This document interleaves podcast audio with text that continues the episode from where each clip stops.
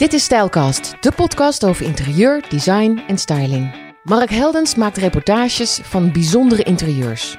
Mark begon 33 jaar geleden als interieurarchitect. Dat doet hij nog wel eens, maar zijn hart ligt bij het verhaal vertellen van een bijzondere inrichting en zijn bewoners. Een mooi verhaal van een fantastisch beroep waar wij woonbladerverslinders jarenlang van hebben genoten. Je hebt een enorme staat van dienst. Dus ik dacht, we beginnen even anders. We beginnen even met stellingen om je heel snel te leren kennen. Goed, de eerste stelling. Kleurrijk of neutral? Neutral. Interieurarchitect of magazine-publicist? Het tweede, omdat het door het eerste is ontstaan. En zou je dan misschien nog eraan vast kunnen knopen dat je storyteller bent?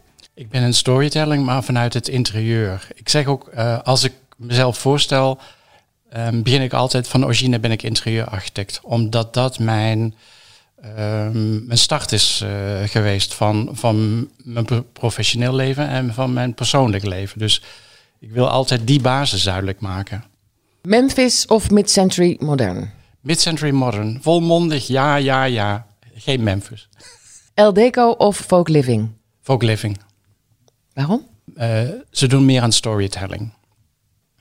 Fotografie is millimeterwerk.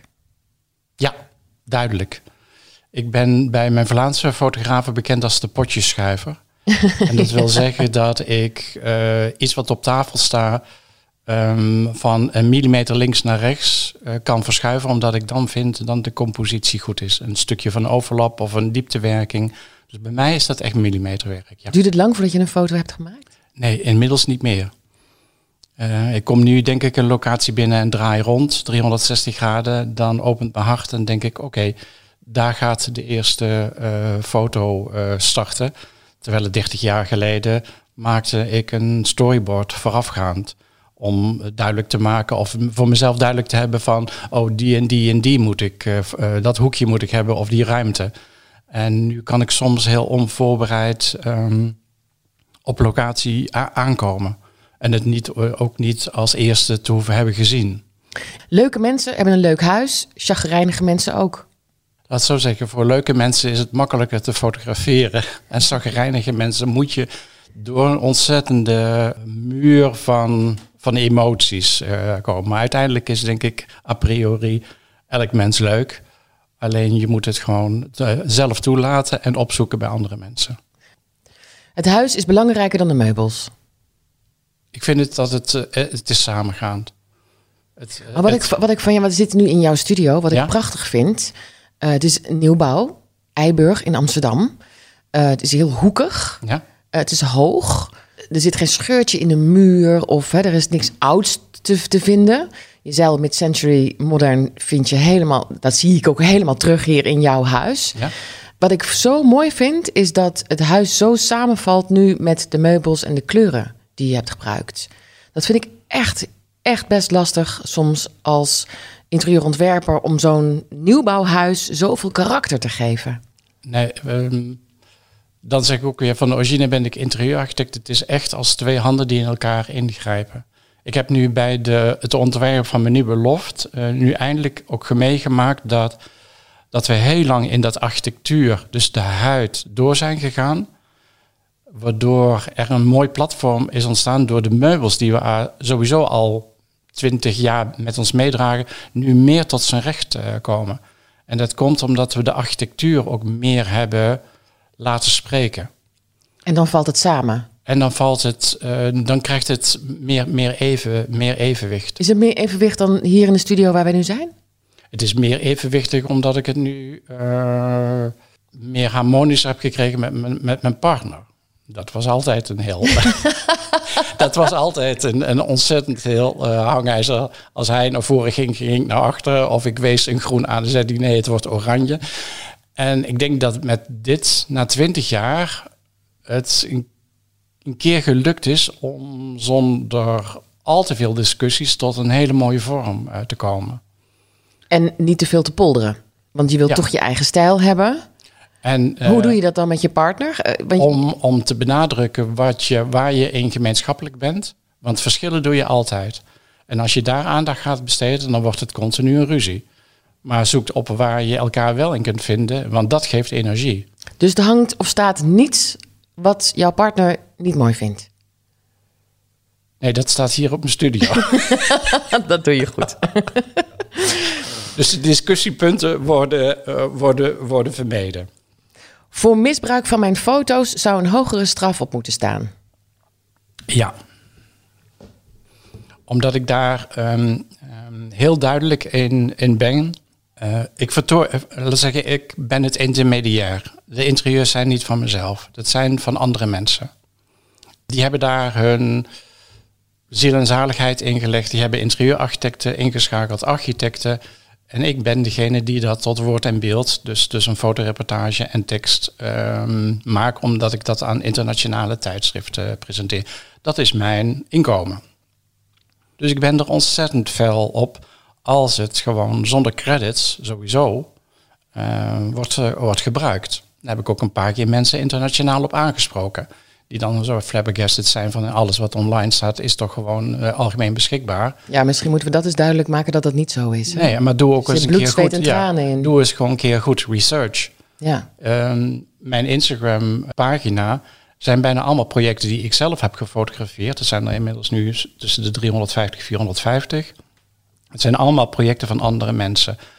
Um, ik vind dat zij de credits moeten krijgen, samen met mij, dat het tot dit, uh, tot dit beeld, tot deze sfeer is, uh, is gekomen. Ja. En er zijn heel veel mensen, ook op Instagram, die heel snel doen, oh, het stond op de Instagram-pagina van Mark, dus het is alleen maar hij die uh, gecredit moet worden. Terwijl ik, als je het van mij ziet, gaat het met naam en toenaam met de fotografen, zelfs de specifieke fotograaf die het op die dag heeft gedaan, de locatie wat het op betreft en soms ook een specifiek meubel wat ik nog in het, uh, in het speciaal daglicht wil uh, ja, zetten. Ja, er zit voor een kast ja? waar al jouw publicaties liggen.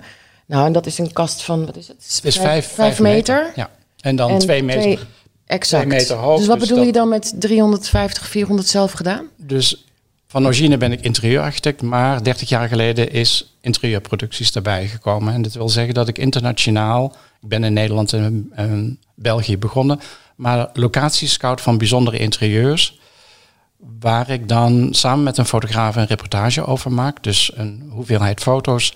Daarbij schrijf ik de tekst, ik interview uh, de bewoners of de architecten of de interieurarchitecten.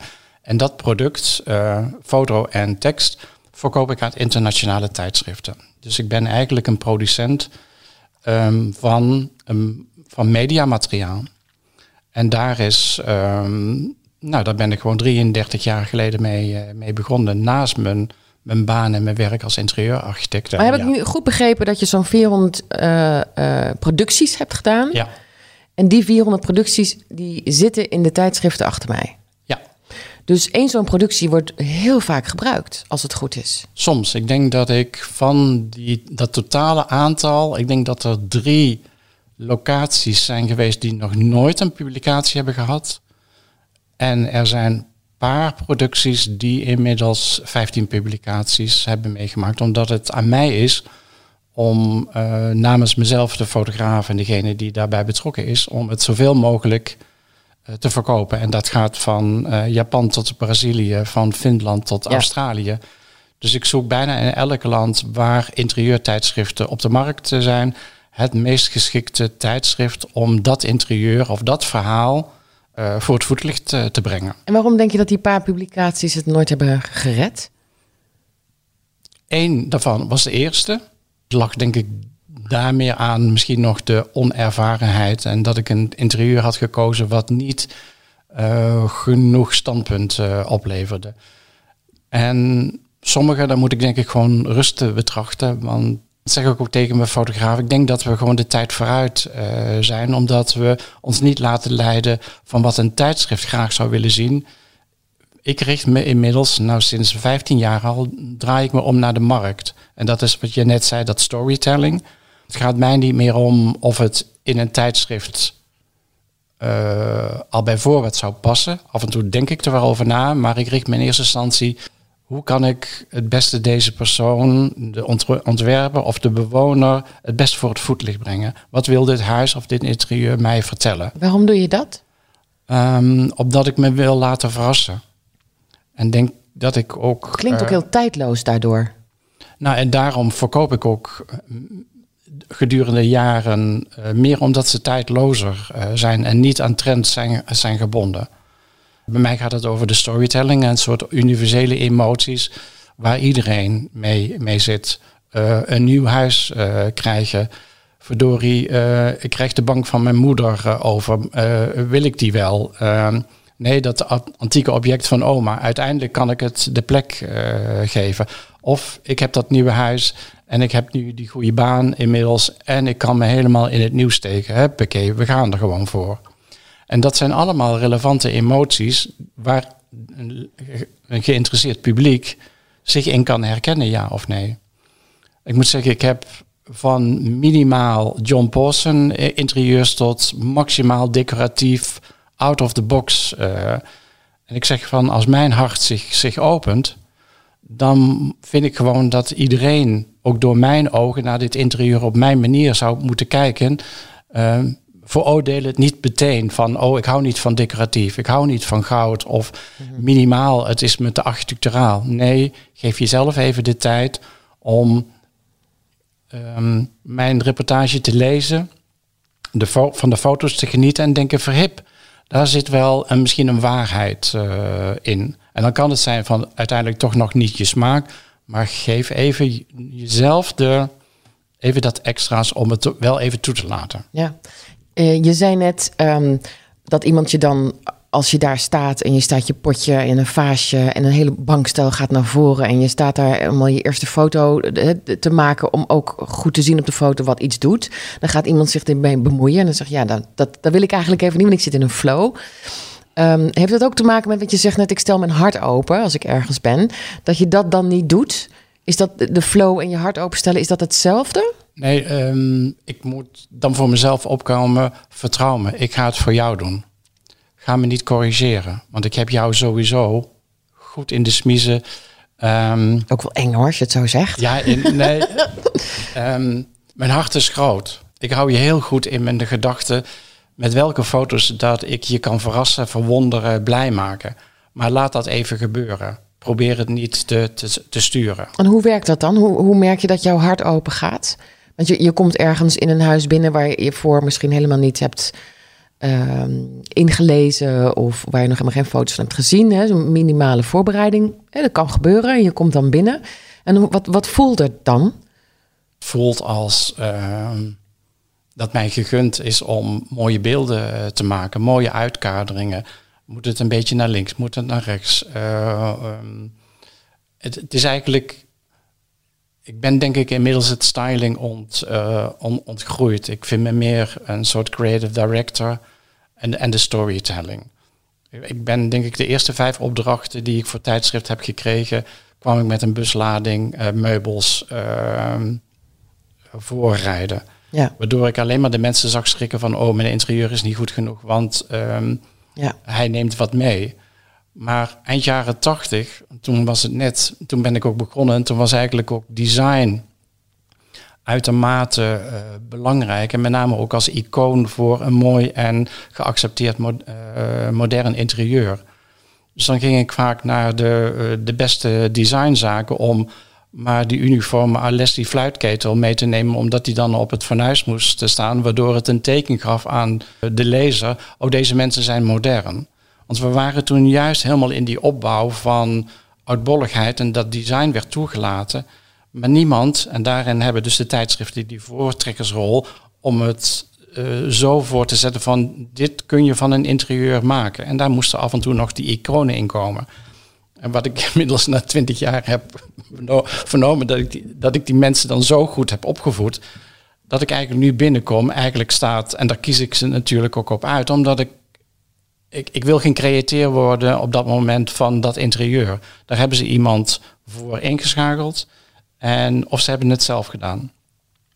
Het is meer dat ik in plaats van dat ik het meeneem, trek ik gewoon de keukenkasten open en loop door het huis en denk ik, oh, die fase is eigenlijk veel mooier. Dan herkennen ze zich van, eh, oh, verhip. Nooit gedacht dat datgene wat je daar in de slaapkamer vindt, dat dat beter staat in de woonkamer. Ja. En sommige mensen laten het dan ook gewoon zo staan.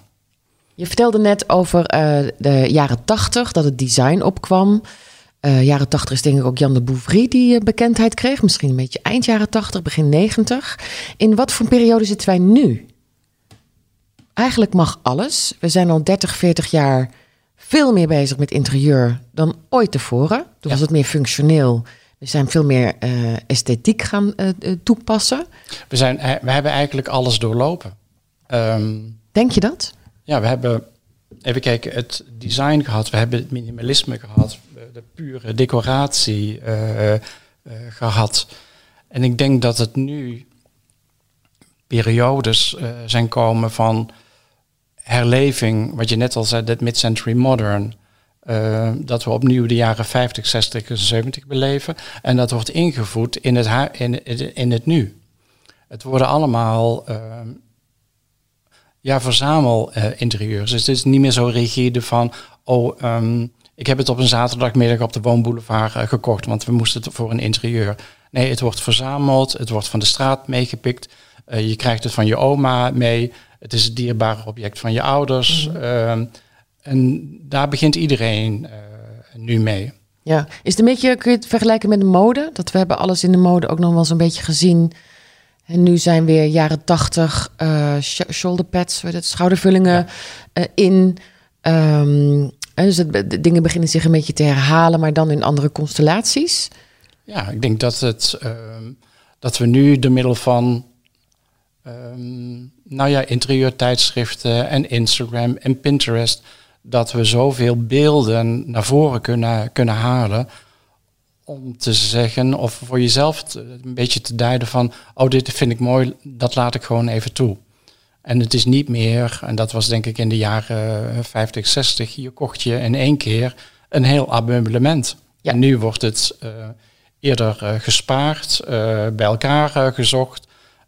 We laten het even. Um, we kunnen best nu toelaten dat we een kratje als een salontafel even hebben, omdat we er nog niet uit zijn. En niet ja. voor uh, Jan en allemaal denken van ja, maar ik moet zo nodig een salontafel hebben, dus we kopen maar wat. Ja, de buurman of buurvrouw kijkt toch niet uh, naar binnen, wat vroeger misschien. Ja, wat, wat vind jij daar eigenlijk van als uh, publicist? Is, is dat fijn of, of heb je eigenlijk liever...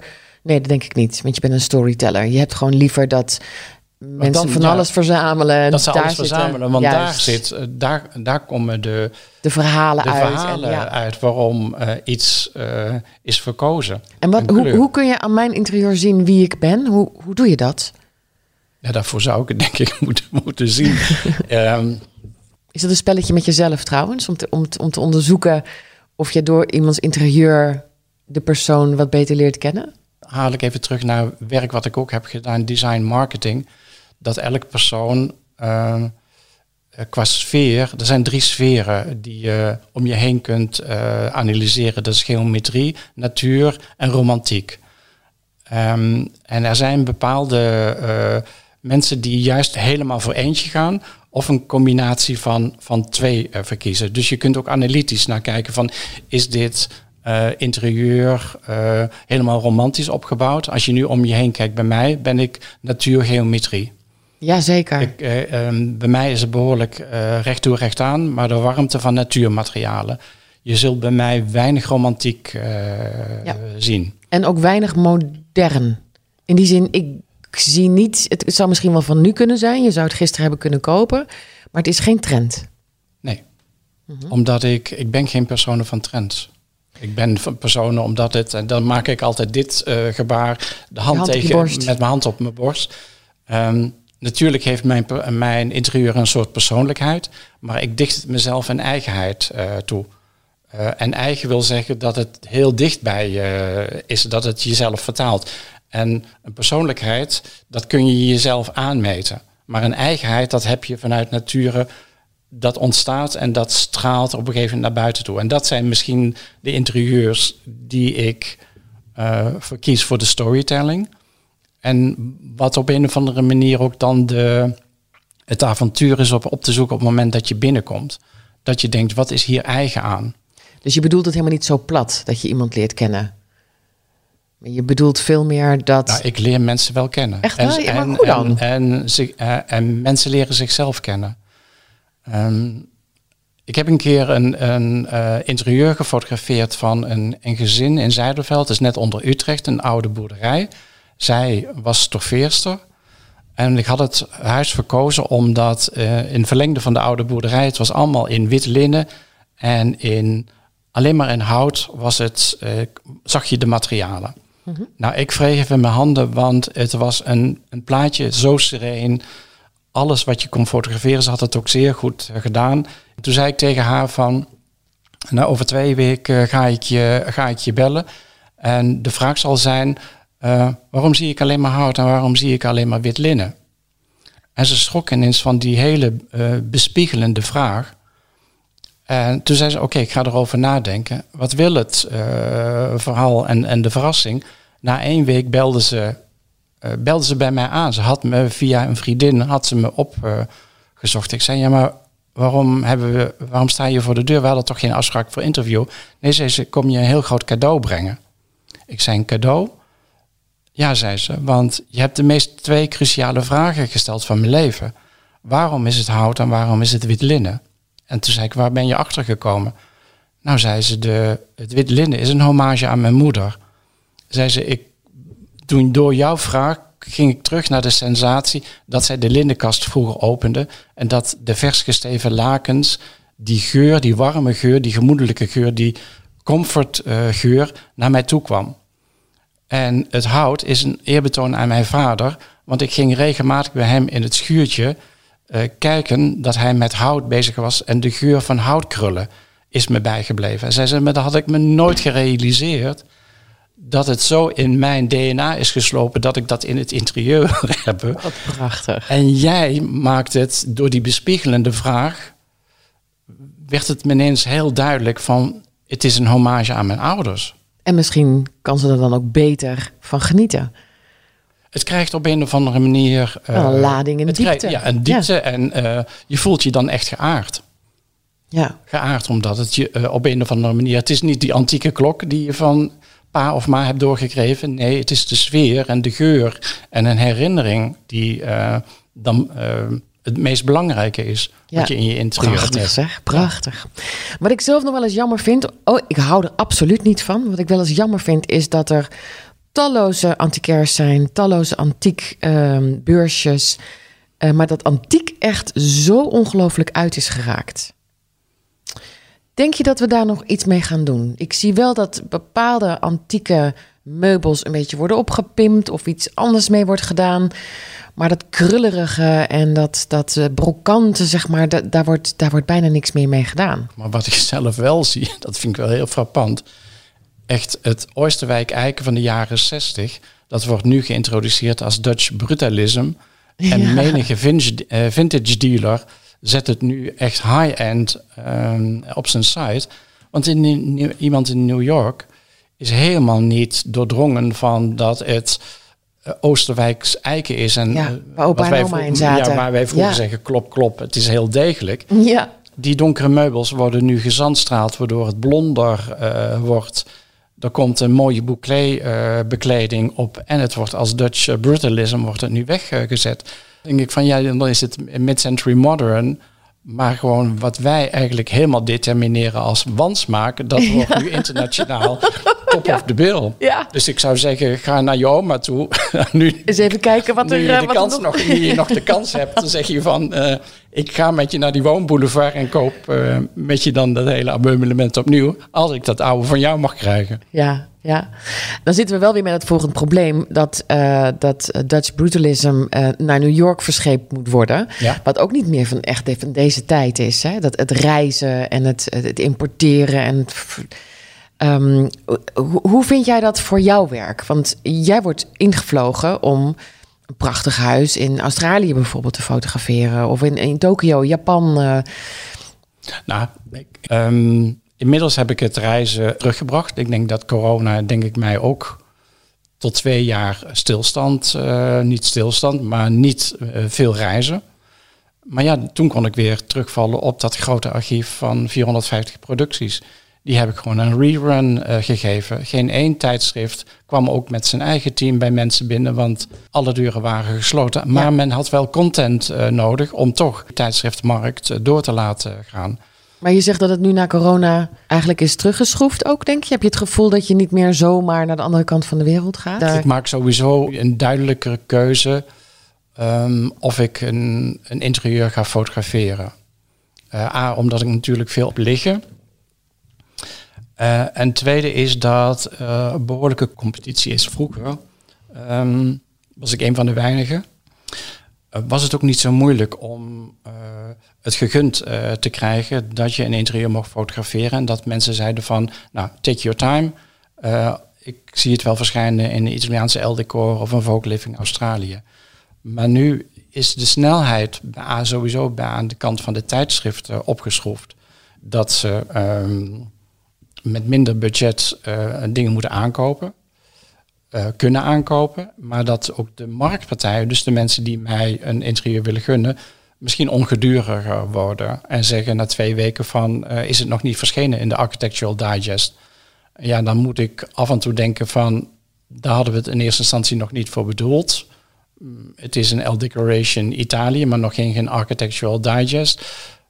En sommigen zeggen dan al van na twee of vier weken van mag ik een ander team al binnen laten komen. Ik zei nee, je hebt mij de afspraak gemaakt en willen we het op hoog niveau en kwalitatief voor het voetlicht brengen, dat vraagt, dat vraagt tijd. En. Eigenlijk heb jij de glorietijden van dit werk meegemaakt. Ja, ik heb denk ik aan de opbouw uh, meegedaan. Ja. En print was gewoon uh, zeker afgelopen 15 jaar het inspiratie. Uh, je kocht ook een tijdschrift om je te laten inspireren. Dat, ik denk dat dat inmiddels door Pinterest en Instagram is overgenomen. ja, ja. Ik vind print wel fijner. Ik word er meer door geïnspireerd dan door mijn uh, laptop. En de plaatjes. Heb jij dat ook? Ik wil, het, ik wil het voelen. Ik wil er doorheen bladeren. Ik wil het nog een keertje erbij pakken. Misschien even ophangen.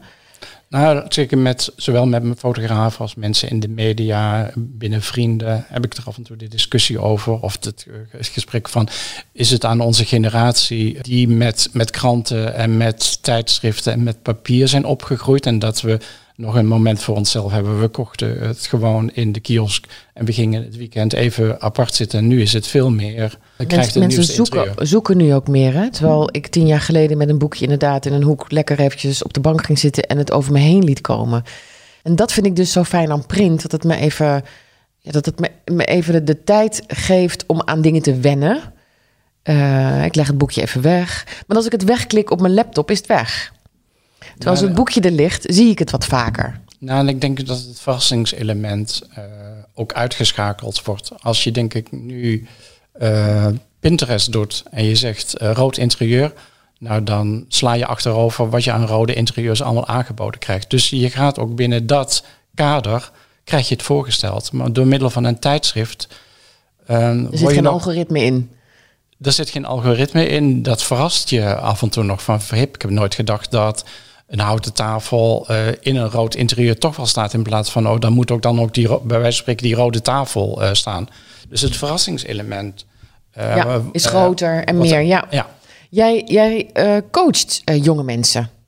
Ja, het is, meer mentor, mentorschap. Ja. In, in wat? Waarin ben je mentor? Um, nou, de jonge designers die met mij nu 30 jaar schelen, dat ik hun een beetje wegwijs maak van besteed niet te veel in, uh, aan Instagram, want je potentiële opdrachtgevers zitten denk ik in een leeftijdsgroep die nog print hebben.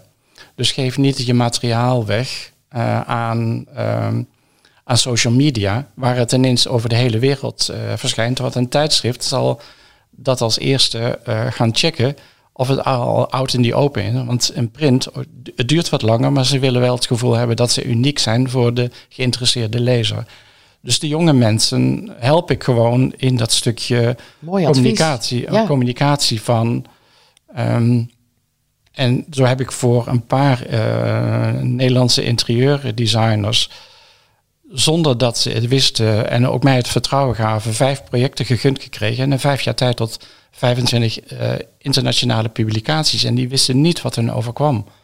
Want ze waren echt gewend om het in Instagram. En ja, dan hadden ze een vermoeden van, dan gaat het iets opleveren. En terwijl ik gezegd heb van, houd meer tegen je borst. Um, kijk eens even naar de hiërarchie en de kwaliteit van de interieurtijdschriften. En met mijn producties met een goede tekst ga ik in elk land een, een, een, een publicatie voor elkaar krijgen. En dat loopt steeds nog door. Ja. Waardoor zij ineens een rekenschap geven van uh, minder snel, meer kwaliteit. Wie zijn wij? Je mag ook best nee zeggen. Want uh, je maakt net die eerste stap. Het is eigenlijk een zoektocht van wie ben je zelf. En niet dat je laat ringeloren door een, medium, of dat nu is, en denken van dan verkoop ik mijn huid maar op een makkelijke manier. Nee, jij staat in het midden van je eigen professionele leven. Jij wilt een stap uh, maken laten we het er eens over hebben. Waar, hoe denk je erover? En ik misschien met 33 jaar werkervaring kan daarin bespiegelen, kan richting uh, geven, kan, uh, kan duiden, kan verrassen. Twee jonge uh, designers die nu in Amsterdam ontzettend goede stap maken. Het zijn Lotte en Dennis Bruns van DAP Studio. Ze zeiden, ja maar we hebben heel weinig content. Ik zei, ja maar datgene wat je nu hebt, laat me dat eens zien. Nou, het was een bloedmooi uh, portret van hun beiden. Blonde dame, uh, Braziliaans getinte uh, jonge man. al hun interieurproducties bekeken, wat ze hadden gefotografeerd. En toen dacht ik, ja, het is inderdaad weinig, maar ze hebben alle twee interior sex appeal, zei ik het altijd. Dan moeten, dan moeten ze altijd keihard om lachen. En, en wat is dat, interior sex appeal? Dat wil ik ook. Dat het... dat hun energie van het beeld afsprong. En toen dacht ik, dat moet dus iedereen uh, meemaken. En ik, ik, ik, ik ervaar het. Ik heb mijn hart geopend. En toen dacht ik, ik ga voor jullie nu alles doen om te zorgen dat, dat die seksappeal de wereld uh, inkomt. En ik had één foto gevonden van een, een interieur wat ze hadden gedaan. Die heb ik samengevoegd. En die heb ik namens hun naar alle tijdschriften gestuurd, internationaal. By the way, may I present to you new oh, Dutch designers? Ja. Nou, terwijl dan uh, de vrouwelijke helft na twee weken uh, me belde. Zei Mark, ik weet niet wat me overkomt. Ik zei, hoezo? Ja, we worden nu door de Architectural Digest Italia uh, gebeld of een interview willen afgeven. Zei ze, hoe komt dat? Ik zei, het is alleen maar goede energie. Oh, ik zei, jullie stralen het uit. ik heb het gezien. En ik ben gewoon het doorgevenluik om, uh, om het de wereld in, uh, in te zenden. En toen zei ze van, hoe, maar hoe komt dat zo? Ik zei, ja, jullie zijn een exponent eigenlijk van een van mijn levensmotto's. Van, ik kom, ik zie, ik hoor, ik analyseer, ik vorm en geef terug. Dat is wat ik dus ook doe. Van, ik kom en ik zie, en ik hoor en ik analyseer, geef, het, geef een interieur aan mij en ik vorm het tot een product, maar ik geef het daarna ook door. Ik ben, natuurlijk bedenk ik ook in soms interieurs en dan ben ik de createur van een interieur, maar ik ben de sluis om mensen te connecten, om een energie die ergens is, om dat bij andere tijden of bij tijdschriften dan neer te leggen. En inmiddels hebben we nu met z'n drieën uh, menig publicatie uh, gekregen en inmiddels ook nu covers. En ze zijn me natuurlijk dankbaar, maar ik zei, maar ben je zelf voornamelijk dankbaar dat je in je eigen zoektocht van energie blijft volharden.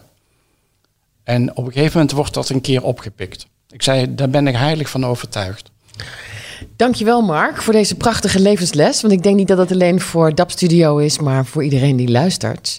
Blijf in je eigen energie en je kracht.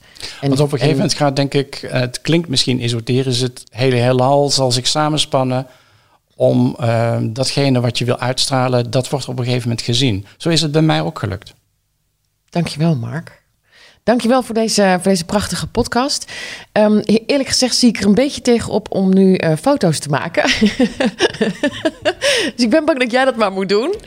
Um, want de kwaliteit van mijn uh, Insta-foto's zijn misschien niet zo hoog. En, uh, dus, maar misschien kan ik wat van je leren. Dus laten we nog wat foto's maken om te laten zien waar we zijn en wie we zijn. Ik heb al een standpunt in gedachten. Oh, wat goed. Ik ga ervan leren. Dankjewel voor dit gesprek. Graag en ik, uh, ik, ik, weet zeker dat iedereen uh, uh, met veel plezier naar je hebt geluisterd. Dankjewel. Kijk op de website van Stijlkast voor meer informatie over Mark Heldens. Tot de volgende Stijlkast.